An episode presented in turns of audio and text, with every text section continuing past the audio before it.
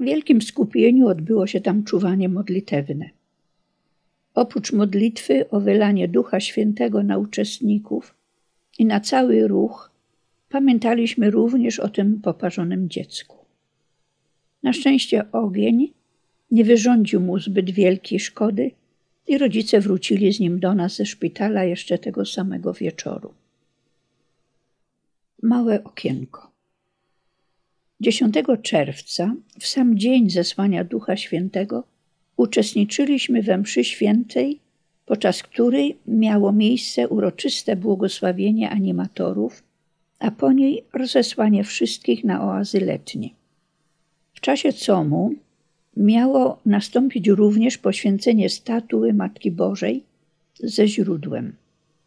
O dokonanie tego poświęcenia ojciec Franciszek poprosił księdza kardynała Wojtyłę, który obiecał, że przyjedzie do nas w poniedziałek 11 czerwca, czyli w tak zwany Dzień Moderatora. Czekaliśmy na niego, ale rano zamiast księdza kardynała zjawił się u nas ksiądz Wiesław Wilk, moderator z diecezji sandomierskiej, który wracał właśnie z kurii krakowskiej. Ksiądz kardynał przekazał mu list do ojca, w którym pisał, że bardzo mu przykro, ale niestety nie może przyjechać, bo ma w tym dniu zbyt dużo zajęć. Ojcu było trochę żal, bo liczył na jego obecność. Msza święta w namiocie światła rozpoczęła się więc bez księdza kardynała. Ja w niej nie mogłam uczestniczyć, bo miałam dyżur w domu. W pewnym momencie zawołała mnie Wiktoria Nowak, zwana babunią, która wtedy gotowała obiad. Nazywaliśmy ją babunią, ponieważ gdy przyjeżdżały jej wnuczki, to zawsze do niej wołały babuniu, babuniu i tak została babunią.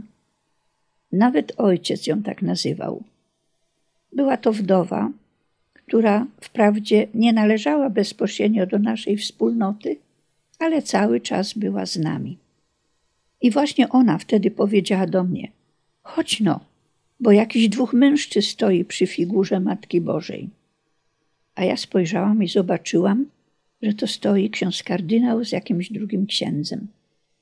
Pobiegłam szybko po księdza Piotra Zabielskiego, który również, tak jak ja, nie uczestniczył w tym przy świętej, bo miał w tym czasie inne obowiązki. I poprosiłam, żeby poszedł do namiotu światła i powiedział ojcu, że ksiądz kardynał jednak przyjechał. Msza święta w namiocie światła dobiegała akurat końca. I ojciec powiedział: Spodziewaliśmy się księdza kardynała, ale. I nie dokończył zdania, bo w tym momencie w drzwiach pokazał się właśnie ksiądz kardynał. Zapanowała niesamowita radość. Wszyscy zaczęli klaskać. Ojciec oddał teraz dalsze prowadzenie w jego ręce. Z namiotu światła wszyscy ruszyli procesyjnie ku figurze Matki Bożej. Tam ksiądz kardynał poświęcił tę statuę i symboliczne źródełko, z którego w momencie uderzenia przez ojca Franciszka laską w skałę wysoko wytrysnęła woda.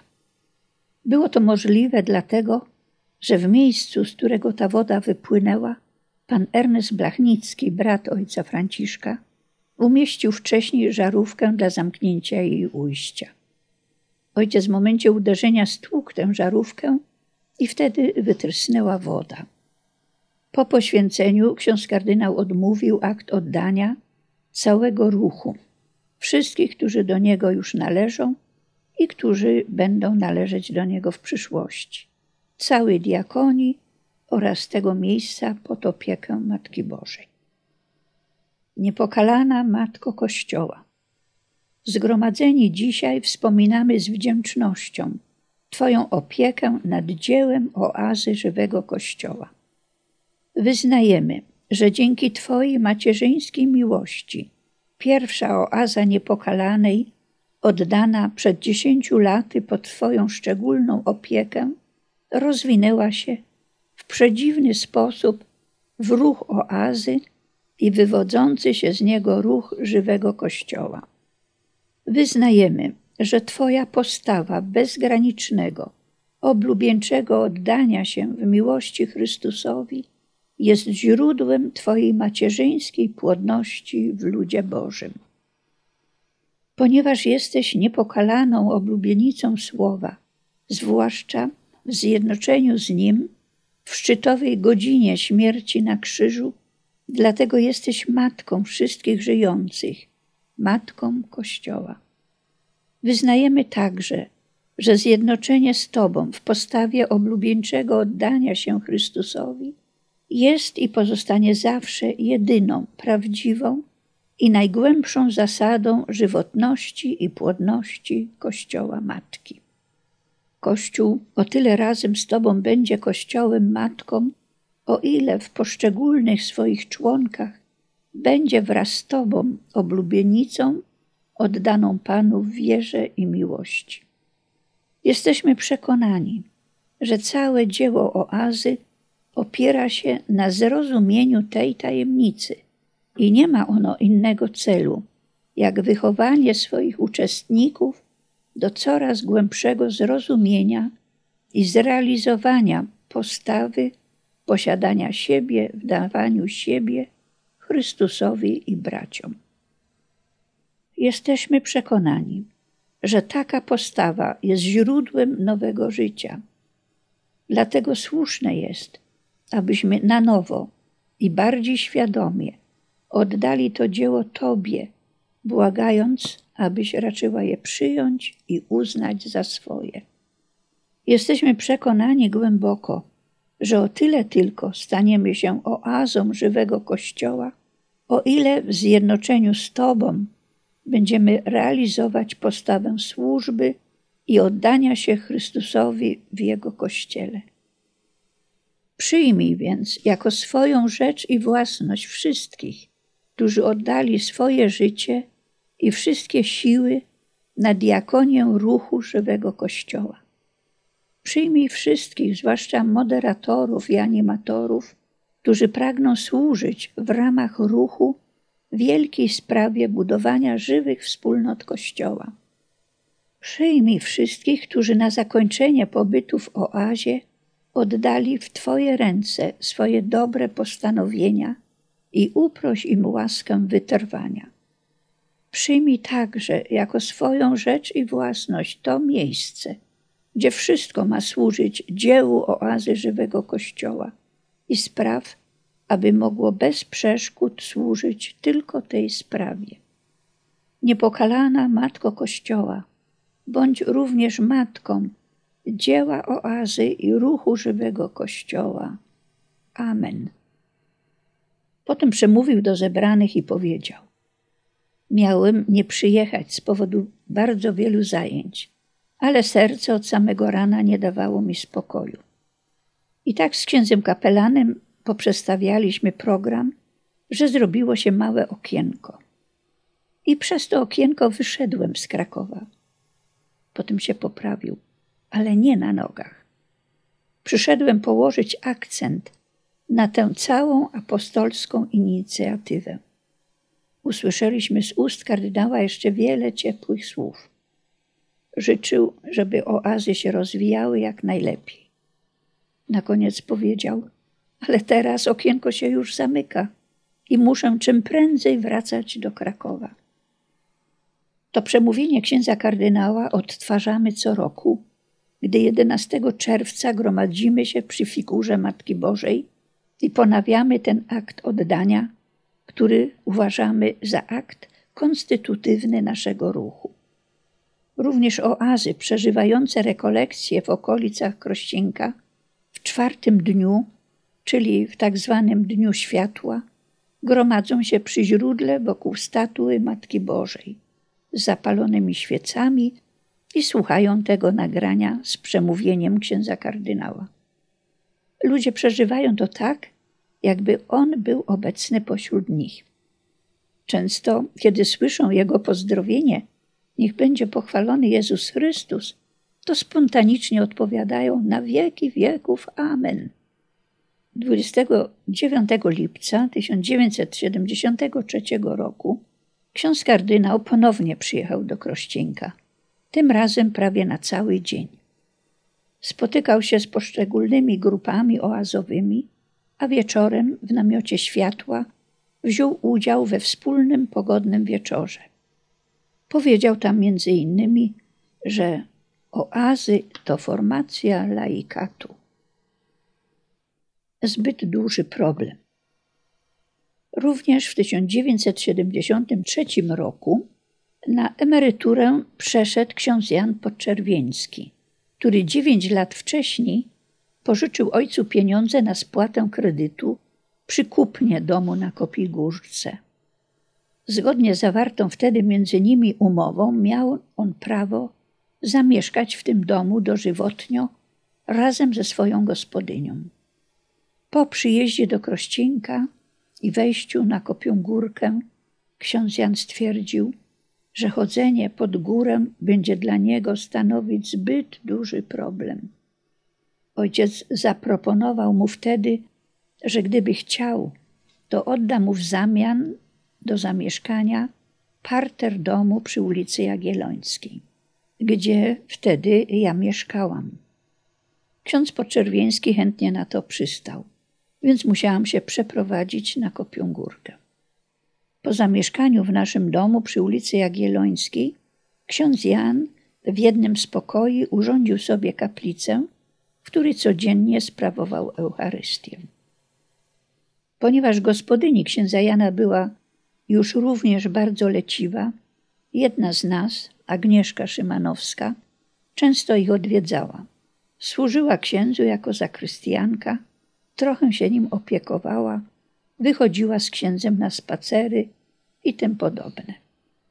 Ksiądz Jan mieszkał tam aż do swojej śmierci, która nastąpiła w Wielkanoc 18 kwietnia 1976 roku. Po kilku miesiącach gospodyni księdza bardzo poważnie zachorowała i wtedy jej rodzina zdecydowała się zabrać ją w swoje strony. Eksperyment. W roku 1973 została także zorganizowana po raz pierwszy oaza dla rodzin. Pomysł na takie rekolekcje podsunęli ojcu sami małżonkowie, którzy uczestniczyli w oazach dla dorosłych, ale zawsze pojedynczo, a nie wspólnie jako małżeństwo, ponieważ jedno z nich musiało zostać w domu z dziećmi.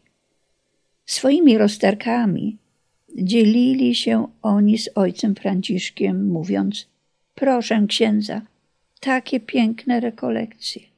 Ja tutaj to wszystko tak fajnie przeżywam, ale tam w domu żona została sama z dziećmi. A gdy uczestniczką oazy była żona, to mówiła podobnie: Tak mi tu dobrze i wszystko jest takie piękne, ale ciągle myślę, jak ten mój mąż radzi sobie z dziećmi. Nie mógłby ksiądz pomyśleć o takich rekolekcjach, w których moglibyśmy uczestniczyć całą rodziną. Ojciec przyznał im rację. Rozłączali się przecież na dwa tygodnie, a to nie było najlepsze. Przypomniało mu się, że będąc we Francji, spotkał się już z ruchem rodzin o nazwie Equipe Notre Dame, skrót ENT, który go wtedy zainteresował. Nawet otrzymał od nich materiały, ale że były one w języku francuskim, więc do tej pory się w nie nie wygłębiał. Rozmowy z małżonkami nie dawały mu jednak spokoju. Pewnego dnia przyszedł do nas i powiedział: Słuchajcie, w tym roku zrobimy eksperyment. Zaprosimy młode małżeństwa z dziećmi i zobaczymy. Jeśli ten eksperyment się uda, to będziemy organizować również oazy dla rodzin, dla małżeństw z małymi dziećmi. Oczywiste wydawało się ojcu, że oaza rodzin będzie musiała funkcjonować nieco inaczej niż inne oazy ze względu na obecność dzieci. Pomyślał też, że do tych dzieci będzie potrzebna opieka, żeby rodzice mogli spokojnie korzystać z konferencji. Tak więc do tej funkcji wyznaczył niektóre z nas, a odpowiedzialną za całość uczynił panią Krystynę Kegiel, która prowadziła dom samotnej matki w Warszawie. W ten sposób doszło do zorganizowania w Krościenku dwóch pierwszych turnusów, w których razem uczestniczyło 51 rodzin, 164 osoby z 10 diecezji. Pierwsze oazy rodzin, podobnie jak inne, nie miały swojego ośrodka, więc niemal każda rodzina mieszkała u innego gospodarza. A miejscem spotkań początkowo był tak zwany dworek, czyli stara plebania w sadzie u stóp Kopiej Górki. Kuchnia i jadalnia znajdowały się w innym domu, u państwa Kamińskich. To wszystko nie było łatwe. Również uczestnicy na kwaterach u gospodarzy mieli bardzo prymitywne warunki, bez łazienek, często bez ciepłej wody, z WC na dworze. Po latach jeden z uczestników oazy rodzin wspominał, jak to jego gospodyni nauczyła go prać pieluchy. Kiedyś poprosiłem ją o miskę i trochę ciepłej wody. Ona zapytała mnie, po co to panu? Muszę wyprać pieluchy, odpowiedziałem. A ona na to, miska? To pan nie wie, jak się pierze pieluchy? Chodź pan, pokażę panu. Zaprowadziła mnie do potoku i powiedziała, tu się pierze pieluchy. Ja się zdziwiłem. Przecież do prania muszę dać proszku. Ona na to, co za problem. Usypała z piachu koryto, obłożyła je kamieniami i kazała mi do wody wsypać proszek. I tak nauczyłem się prać pieluchy w potoku, nawet używając do tego proszku. Pieluchy były czyste, chociaż niewygotowane, jak to wtedy było w zwyczaju, a dziecko nie miało żadnych wysypek ani innych problemów. W kuchni. Eksperyment z rodzinami się udał. Małżonkowie bardzo chwalili sobie taki rodzaj rekolekcji. Ojciec widział jednak, że program trzeba jeszcze dopracować. Pomyślał, że dobrze by było w związku z tym zajrzeć do tych materiałów francuskich z ekip Notre Dame. Kiedyś rozmawiając z księdzem biskupem majdańskim, podzielił się tym, że zaczął prowadzić oazy rodzin i że nawet ma pewne materiały z ruchu ENT, ale nie zna nikogo, kto by mu je przetłumaczył z języka francuskiego.